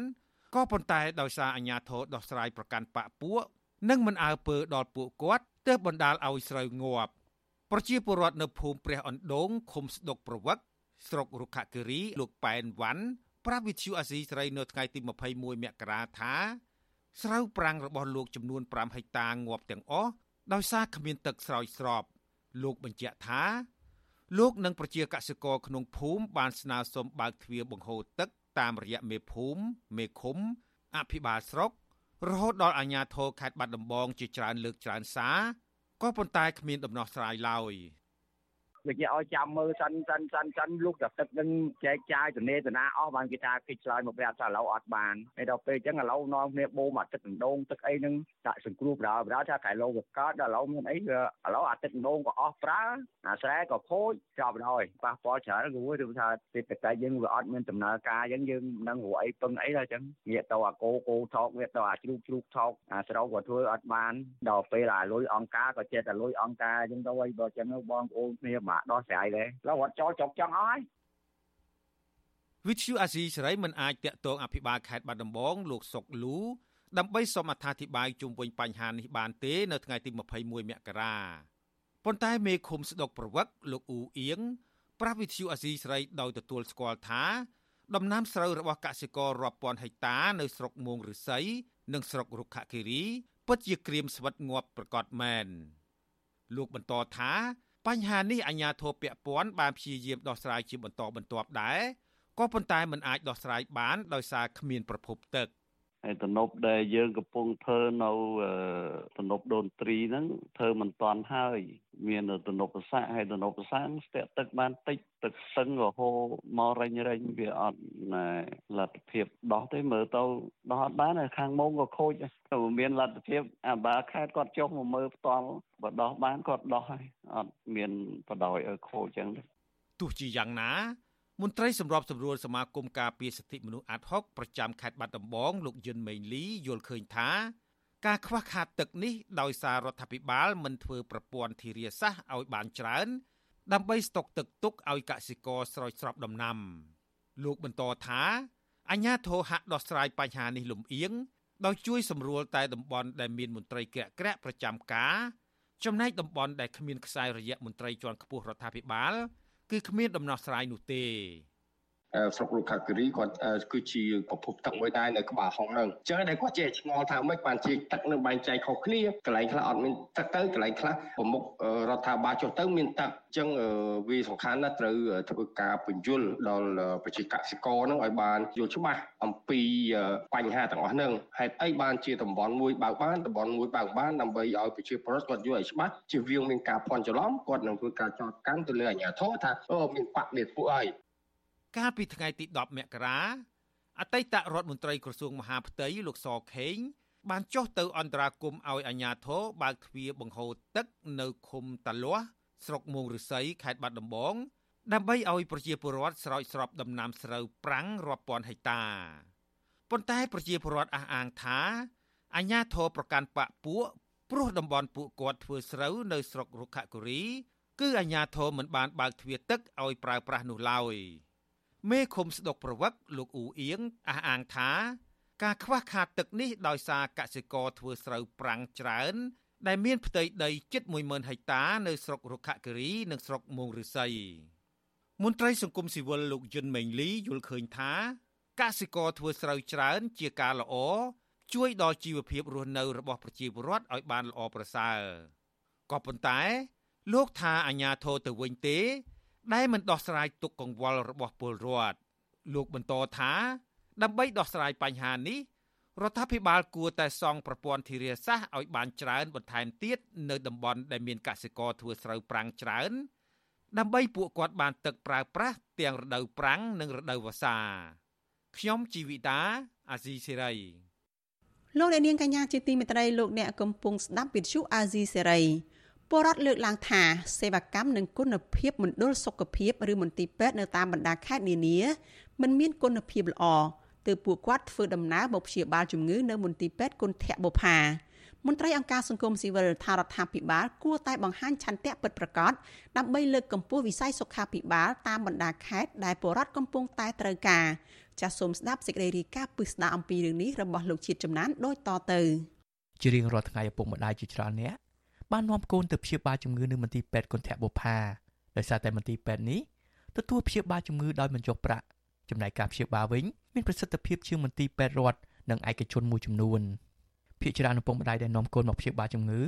បានធ្វើដំណើរមកពីតាមបណ្ដាខេត្តដោយពួកគាត់ខ្លះជិះម៉ូតូខ្លះជិះកង់3និងខ្លះជិះរថយន្តឈ្នួលក៏មានមុននឹងគ្រូពេទ្យហៅកុមារព្យាបាលជំងឺឪពុកម្ដាយត្រូវចាប់លេខរងចាំខណៈកុមារតូចៗស្រែកយំអត់ដាច់ ពលរដ្ឋមកពីខេត្តកំពង់ចាមលោកអែមវិចិត្រដែលរងចាំប្រពន្ធនិងកូននៅមុខមន្ទីរពេទ្យលើកឡើងថាកូនត្រីរបស់លោកចេះតែក្អួតដោយមិនដឹងពីមូលហេតុអស់រយៈពេលមួយអាទិត្យហើយជំងឺកូនត្រីរបស់លោក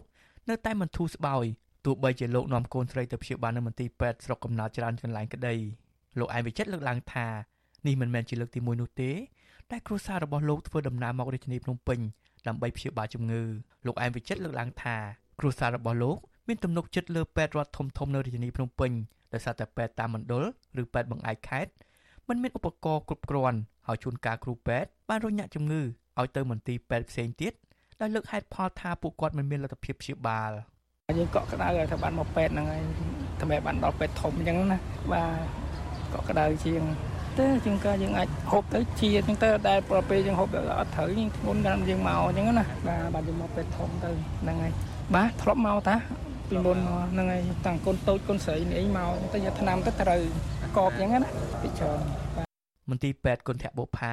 អាចទទួលព្យាបាលកុមារចាប់ពី50000នាក់ទៅដល់100,000នាក់ក្នុងមួយខែនិងអាចវះកាត់កុមារយ៉ាងតិច2000នាក់ជារៀងរាល់ខែចំណែកមន្ទីរពេទ្យជ័យវរ្ម័នទី7ឬគុណធបុផា3បានទទួលស្ត្រីមកពិនិត្យផ្ទៃពោះយ៉ាងតិចណាស់7000នាក់ក្នុងមួយខែនិងទទួលសម្រាលកូនប្រមាណ2000នាក់ក្នុងមួយខែ ពលរដ្ឋមកពីខេត្តកណ្ដាលលោកធុដេតលើកឡើងថាវិស័យសុខាភិបាលនៅតាមបណ្ដាខេត្តនៅមិនទាន់ប្រសើរដែលអាចឲ្យពលរដ្ឋមានទំនុកចិត្តបាននោះទេលោកធុដេតបន្តថាពលរដ្ឋព្យាបាលជំងឺនៅពេទ្យឯកជនត្រូវការចំណាយថវិកាច្រើនចំណែកការព្យាបាលនៅមន្ទីរពេទ្យរដ្ឋត្រូវតម្រូវឲ្យពលរដ្ឋរងចាំនិងបង់ប្រាក់ដូចគ្នា លោកធួដេតស្នើឲ្យរដ្ឋាភិបាលកែតម្រង់វិស័យសុខាភិបាលនៅតាមខេត្តនិងតំបន់ជនបទដើម្បីឲ្យពលរដ្ឋងាយស្រួលទៅព្យាបាល ព្រោះការព្យាបាលនៅភ្នំពេញធ្វើឲ្យពលរដ្ឋចំណាយថវិកានិងពេលវេលាអឺថាចង់មកពេលប្រផាហ្នឹងវាសេវាកម្មឲ្យវាធូរថ្លៃអញ្ចឹងវាមិនសូវអស់ច្រើនទេវាតាមចាស់ស្ដាយនេះដូចតែគ្នាវាមិនលើសគ្នាប្រហែលព្រោះថាពេលរត់គេមានច្បាប់រំលោភរបស់គេអញ្ចឹងយើងត្រូវចាំតាមព្រោះមនុស្សវាមានច្រើនទៅពេលឯកជនយើងទៅដល់គេមើលយើងភ្លាមភ្លាមហ្មងរដ្ឋាភិបាល នៅតែពុំទាន់មានលទ្ធភាពគ្រប់គ្រាន់ក្នុងការពង្រឹងវិស័យសុខាភិបាលនោះទេបើទោះបីជាសាធារណជនរិះគន់ថាវិស័យសុខាភិបាលថាជាវិស័យខ្វះការយកចិត្តទុកដាក់មានភាពយឺតយ៉ាវនិងពុំមានឧបករណ៍ពេទ្យគ្រប់គ្រាន់ក៏ដោយជាក់ស្ដែងថាវិការដែលក្រុងចំណាយលើវិស័យសុខាភិបាលក្នុងឆ្នាំ2024មានការកើនឡើងចំនួនជាង60000លានរៀលឬជាង1លានដុល្លារប៉ុណ្ណោះកន្លងមករដ្ឋាភិបាលក៏បានអំពាវនាវដល់សាធារណជនឲ្យចូលរួមថវិកា ដើម្បីសាងសង់មន្ទីរពេទ្យឬអគារពេទ្យមួយចំនួនក្នុងរាជធានីភ្នំពេញដូចជាអគារដេជោអភិវឌ្ឍនិងមន្ទីរពេទ្យកាឡាម៉ែតជាដើមប្រធានសមាគមគ្រូពេទ្យគុណធម៌កម្ពុជាលោកអ៊ូចវុធីលើកឡើងថាមន្ទីរពេទ្យឬមជ្ឈមណ្ឌលសុខភាពនៅតាមបណ្ដាខេត្តពុំមានសម្ភារៈគ្រប់គ្រាន់ដើម្បីព្យាបាលពលរដ្ឋនៅឡើយទេហើយបញ្ហានេះបានធ្វើឲ្យប៉ះពាល់ដល់ជីវភាពរបស់ពលរដ្ឋដែលធ្វើដំណើរទៅភ្នំពេញតែទោះជាយ៉ាងណាលោកអ៊ូចវុធីថាបញ្ហានេះបានប៉ះពាល់ដល់ជីវភាពរបស់ពលរដ្ឋដែលពុំមានថវិកាដើម្បីឡើងមកទីក្រុងភ្នំពេញ ហើយមានពលរដ្ឋមួយចំនួនបានបាត់បង់ជីវិតដោយសារតែការបញ្ជូនមកព្យាបាលនៅភ្នំពេញ និងមួយមួយទៀតដោយសារគាត់មិនមានទំនុកចិត្តតាមខេត្តដោយសារអីទី1គេហៅការព្យាបាលរបស់គ្រូពេទ្យដោយថ្នាំថ្នាំព្យាបាលនៅតាមខេត្តហ្នឹងជួនកាលថ្នាំវាវាមានថ្នាំដែលមិនមិនមិនសុទ្ធហើយថ្នាំដែលចូលមកកូប្រទេសបញ្ជូនទៅខេត្តហ្នឹងកន្លែងហ្នឹងឯងដែលធ្វើឲ្យគាត់បាត់បង់ជំនឿដោយសារថ្នាំដែលថ្នាំយើងវាគេហៅថាថ្នាំវាមានតែរូបភាពឈ្មោះក៏ប៉ុន្តែលេបទៅវាអត់មានប្រសិទ្ធភាពវាអត់ FA កន្លែងហ្នឹងឯងដែលធ្វើឲ្យគាត់អត់ជាអត់ស្រួលខ្លួនអញ្ចឹងគាត់មករមករពិគ្រោះយោបល់ជំងឺនៅភ្នំពេញវិញបាទ របាយការណ៍របស់ក្រសួងសុខាភិបាល កាលពីឆ្នាំ2019ឲ្យដឹងថាគិតត្រឹមឆ្នាំ2018មន្ទីរពេទ្យជាតិមានចំនួន6កន្លែងមន្ទីរពេទ្យបង្អែកមានចំនួន109កន្លែងនិងមជ្ឈមណ្ឌលសុខភាពមានចំនួនជាង1000កន្លែងនិងមានមន្ត្រីរាជការសរុបជាង20000នាក់វិសុវអសីស្រីមិនអាចតាក់ទងរដ្ឋមន្ត្រីក្រសួងសុខាភិបាលលោកឈៀងរ៉ានិងអ្នកនាំពាក្យក្រសួងសុខាភិបាលអ្នកស្រីអាវវ៉ាន់ឌិនដើម្បីសាកសួរជុំវិញរឿងនេះបានទេនៅថ្ងៃទី19ខែមករា ទោះជាយ៉ាងណានាយករដ្ឋមន្ត្រីលោកហ៊ុនម៉ាណែតថ្លែងក្នុងពិធីដាក់សម្ពោធឲ្យប្រាស់ប្រាស់ជាផ្លូវការមន្ទីរពេទ្យជាតិតេជោសន្តិភាពកាលពីខែតុលាឆ្នាំ2023កន្លងទៅដោយលើកឡើងថារដ្ឋាភិបាលកំពុងអនុវត្តគោលនយោបាយដើម្បីលើកស្ទួយវិស័យសុខាភិបាលរួមមានទី1គឺវិធានការពង្រីកវិសាលភាពមូលនិធិសមត្ថៈសុខាភិបាលដល់គ្រួសារងាយរងហានិភ័យដល់49ម៉ឺនគ្រួសារឬជាង1លាន8សែននាក់និងវិធានការលើរបបសន្តិសុខសង្គមដោយវិភាគទាន ដល់អ្នកក្នុងបន្ទុកសមាជិកបសសជាង3លាននាក់ប្រធានមជ្ឈមណ្ឌលប្រជាពលរដ្ឋដើម្បីអភិវឌ្ឍនិងសន្តិភាពលោកយងកំឯងមានប្រសាសន៍ថាមន្ទីរពេទ្យមួយចំនួនអាចកសាងទំនុកចិត្តពីពលរដ្ឋខ្មែរដូចជាមន្ទីរពេទ្យគន្ធបុប្ផាជាដើមលោកយងកំឯងថារដ្ឋាភិបាលគួរបង្ហាញឆន្ទៈពិតប្រាកដដោះស្រាយវិស័យសុខាភិបាលតាមបណ្ដាខេត្តដែលពលរដ្ឋកំពុងត្រូវការ រដ្ឋាភិបាលទី1គឺត្រូវតែពង្រឹងគុណភាពសេវាយើងគិតមើលថាហេតុអីយើងគន្ធបុប្ផាគេធ្វើបានចុះហេតុអីមន្ទីរពេទ្យផ្សេងផ្សេងអត់ធ្វើបានតែយើងឲ្យដែលវិស័យសុខាភិបាលឬមន្ទីរពេទ្យរបស់យើងនៅចឹងតទៅទៀតឬក៏យើងធ្វើវាឲ្យមានជំនឿជាក់ដោយគន្ធបុប្ផាគន្ធបុប្ផាគឺទាំងការផ្ដល់សេវាទាំងអីហ្នឹងគឺ បានលឿនតន់ចិត្តហើយគ្រូពេទ្យអីគឺគេខ្នះខ្នែងបាទមិនបាច់ចាំទៅដើរទៅទឿនទេបាទគឺបានន័យថាពេទ្យគេទទួលខុសត្រូវពលរដ្ឋនិងសង្គមស៊ីវិលស្នើឲ្យរដ្ឋាភិបាលដាក់ចេញនូវវិធានការកែតម្រង់មន្ទីរពេទ្យនៅតាមបណ្ដាខេត្តឲ្យមានសេវាកម្មនិងគុណភាពឬប្រហាក់ប្រហែលនឹងមន្ទីរពេទ្យគន្ធបុប្ផាពលរដ្ឋលើកឡើងថាការពង្រឹងគុណភាពសុខាភិបាល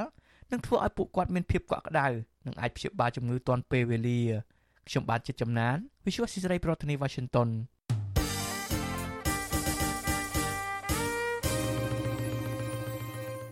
លោកអ្នកនាងកញ្ញាជាទីមេត្រីនៅឯខេត្តត្បូងឃ្មុំឯណោះពលរដ្ឋមានចំនួនដីធ្លីជាមួយនឹងក្រុមហ៊ុនចិនទទូចឲ្យតុលាការទម្លាក់ចោលបទចោទប្រកាន់ទៅលើពួកគាត់និងស្នើរដ្ឋាភិបាលអាណត្តិថ្មីជួយធ្វើអន្តរាគមន៍ដោះស្រាយបញ្ហាដីធ្លីនេះដែលបានអូសបន្លាយរយៈពេលជាង10ឆ្នាំទៅហើយខណៈពួកគាត់កំពុងប្រឈមបញ្ហាជីវភាពលំបាកមន្ត្រីអង្គការសង្គមស៊ីវិលដែលធ្វើការលើកកម្ពស់សិទ្ធិមនុស្សសង្ឃឹមថាសាលាឧទ្ធរនឹងទម្លាក់ចោលបទចោទប្រកាន់លើពួកគាត់ ឲ្យមានសេរីភាពនិងប្រគល់ដីធ្លីឲ្យពួកគាត់វិញចាកញ្ញាខាន់លក្ខណាមានសេចក្តីរាយការណ៍ដាច់ដライមួយទៀតអំពីរឿងនេះជូនលោកអ្នកនាងពលរដ្ឋនៅឃុំត្រពាំងព្រីងស្រុកដំបែខេត្តត្បូងឃ្មុំដែលតុលាការខេត្តនេះកាត់ឲ្យចាញ់ក្តីក្រុមហ៊ុនចិន Harmony Wind Investment កាលពីអំឡុងខែមិថុនាឆ្នាំ2021 ពេលនេះធ្វើឲ្យពួកគាត់បាត់បង់ដីធ្លីដែលធ្លាប់អាស្រ័យផល ប្រឈមបញ្ហាជីវភាព និងជំពាក់បំណុលវ័នកដែលជំរុញឲ្យពួកគាត់មួយចំនួនធ្វើចំណាក់ស្រុកហើយកូនកូនបោះបង់ការសិក្សាពួកគាត់អំពាវនាវឲ្យតុលាការទម្លាក់ចោលបទចោទប្រកាន់ព្រមទាំងប្រគល់ដីធ្លីឲ្យពួកគាត់វិញ ហើយទទូចឲ្យរដ្ឋាភិបាលលោកហ៊ុនម៉ាណែតជួយធ្វើអន្តរាគមន៍ដោះស្រាយវិវាទដីធ្លី ដើម្បីពួកគាត់បានដីធ្លីមកអាស្រ័យផលដោះស្រាយបញ្ហាជីវភាពលំបាកសពថ្ងៃការស្នើនេះរបស់ពលរដ្ឋធ្វើឡើងនៅពេលដែលសាលាធរតំបន់ប្រចាំខេត្តត្បូងឃ្មុំកាលពីថ្ងៃទី16មករាបានបើកសវនកម្មបណ្ដឹងឧត្តររបស់ប្រជាពលរដ្ឋនៅសហគមន៍ស្រែប្រាំងចំនួន4នាក់នៅឃុំត្រពាំងព្រីងស្រុកដំបែ បន្ទាប់ពីសាលាដំបងខេត្តនេះបានកាត់ឲ្យពួកគាត់ចាញ់ក្តីក្រុមហ៊ុនចិនកាលពីជាង2ឆ្នាំមុនពីបទធ្វើឲ្យខូចខាតដោយចេតនាមានស្ថានទម្ងន់ទោសពាក់ព័ន្ធនឹងការតវ៉ាកុំឲ្យក្រុមហ៊ុនចូលឈូសឆាយដីដែលកំពុងមានចំនួនជាក់ស្ដែងចំនួនដីធ្លីនៅសហគមន៍ស្រែប្រាំងនិងសហគមន៍បោះស្នោខេត្តត្បូងឃ្មុំនេះមិនមែនត្រឹមតែជាករណីវិវាទរវាងក្រុមហ៊ុនចិននិងពលរដ្ឋ4នាក់ ដែលបានប្តឹងឧទ្ធរទៅសាលាឧទ្ធរនោះទេចំនួននេះមានប្រជាពលរដ្ឋជិត60នាក់ក៏កំពុងជាប់បណ្ដឹងហើយប៉ះពាល់ដល់ប្រជាពលរដ្ឋប្រមាណ250គ្រួសារពលរដ្ឋនៅសហគមន៍ស្រែប្រាំងលោកវឿងវឿប្រាប់វិសុអាស៊ីសេរីនៅថ្ងៃទី17មករាថាសាលាដំបងខេត្តត្បូងឃ្មុំ បានកាត់ឲ្យលោកមានទោសជាប់ពន្ធនាគារ2ឆ្នាំយ៉ាងអយុត្តិធម៌ដោយចោទថាគាត់បានបំផ្លិចបំផ្លាញទ្រព្យសម្បត្តិរបស់ក្រុមហ៊ុនចិន ទាំងគាត់មិនបានប្រព្រឹត្តដោយការចោទប្រកាន់លោកស្នើសាលាធរផ្ដល់យុត្តិធម៌ដល់គាត់ទម្លាក់ចោលបាត់ចោទប្រកាន់ផ្ដល់ដីធ្លីដល់គាត់បានអាស្រ័យផលដោះស្រាយបញ្ហាជីវភាពគ្រួសារឲ្យខាងអាជ្ញាធរខាងថ្នាក់ដឹកនាំគ្រប់ថ្នាក់ទាំងអស់សូមឲ្យគាត់ ជួយរយុទ្ធធររឿងដីធ្លីឲ្យសម្រាប់ទីប្រវត្តិវិញផងបើសប្តាហ៍ថ្ងៃនេះមើលទៅបាត់បង់ការដីធ្លីបាត់បង់គុណសិក្សាកាន់តែច្រើនមនុស្សកាន់សំណាក់សុខកាន់តែច្រើនណាមួយពួកខ្ញុំអ្នកទុជនរងគ្រោះនឹងនិយាយរួមទៅភាពយុទ្ធធរច្រើនណាស់រោមួយថ្ងៃស៊ីមួយថ្ងៃរោព្រឹកខ្វះថ្ងៃរោថ្ងៃខ្វះព្រឹកឯគ្រូជនរងគ្រោះម្នាក់ទៀតលោកច័កជ័យលើកឡើងថាដីនោះចាស់ចាស់ពីមុនធ្លាប់អាស្រ័យផលយូរណាស់មកហើយ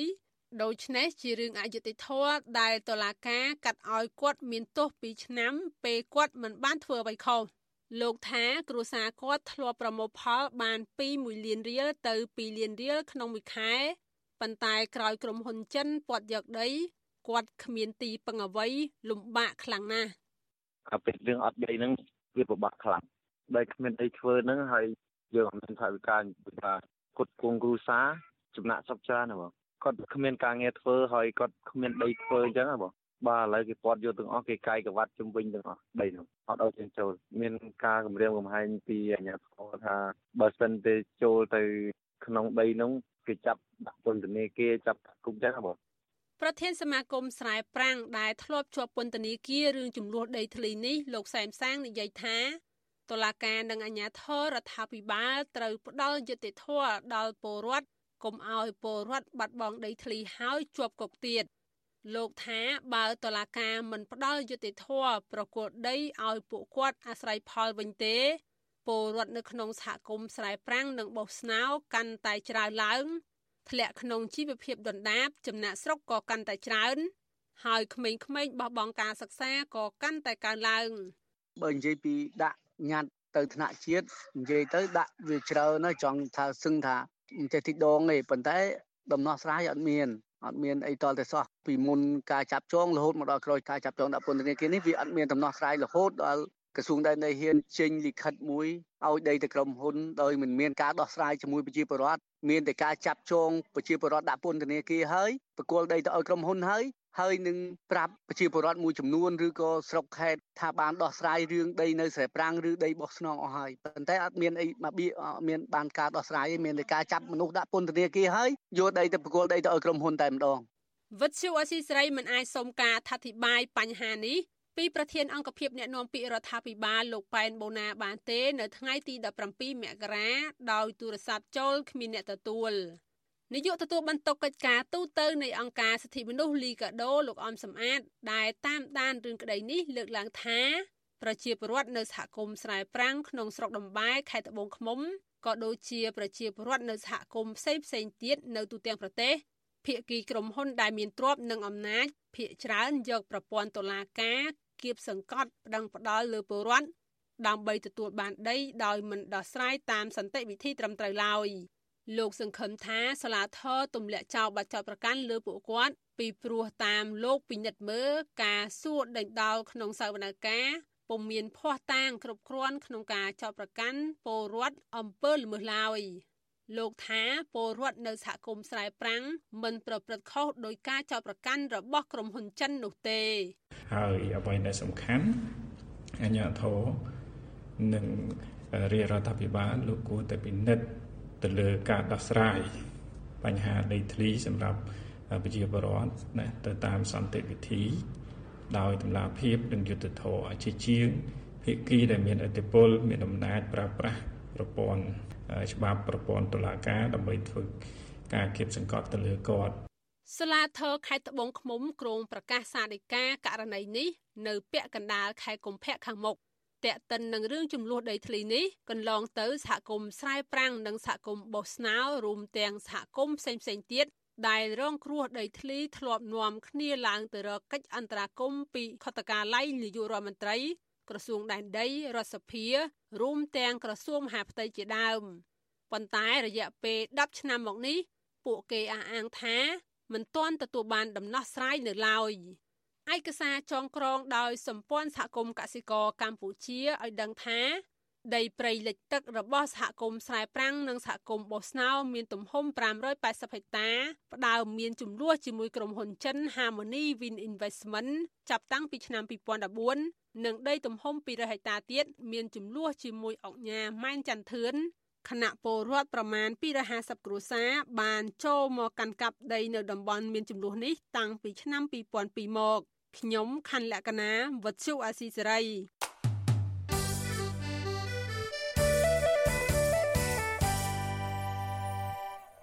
លោកអ្នកនាងកញ្ញាជាទីមេត្រីចារយៈពេល9ឆ្នាំហើយដែលគណៈកម្មការពិសេសមួយបង្កើតឡើងដោយអតីតនាយករដ្ឋមន្ត្រីលោកហ៊ុនសែន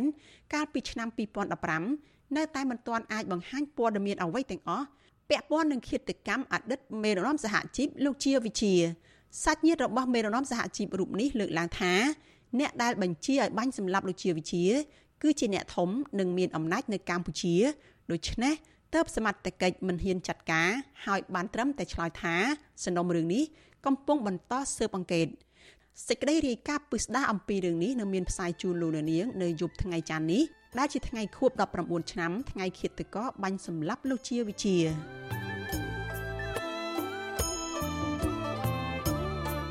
លោកអ្នកនាងកញ្ញាជាទីមេត្រីការផ្សាយរយៈពេល1ម៉ោងរបស់វិទ្យុអាស៊ីសេរីជាភាសាខ្មែរនៅព្រឹកនេះចាប់ត្រឹមតែប៉ុណ្ណេះ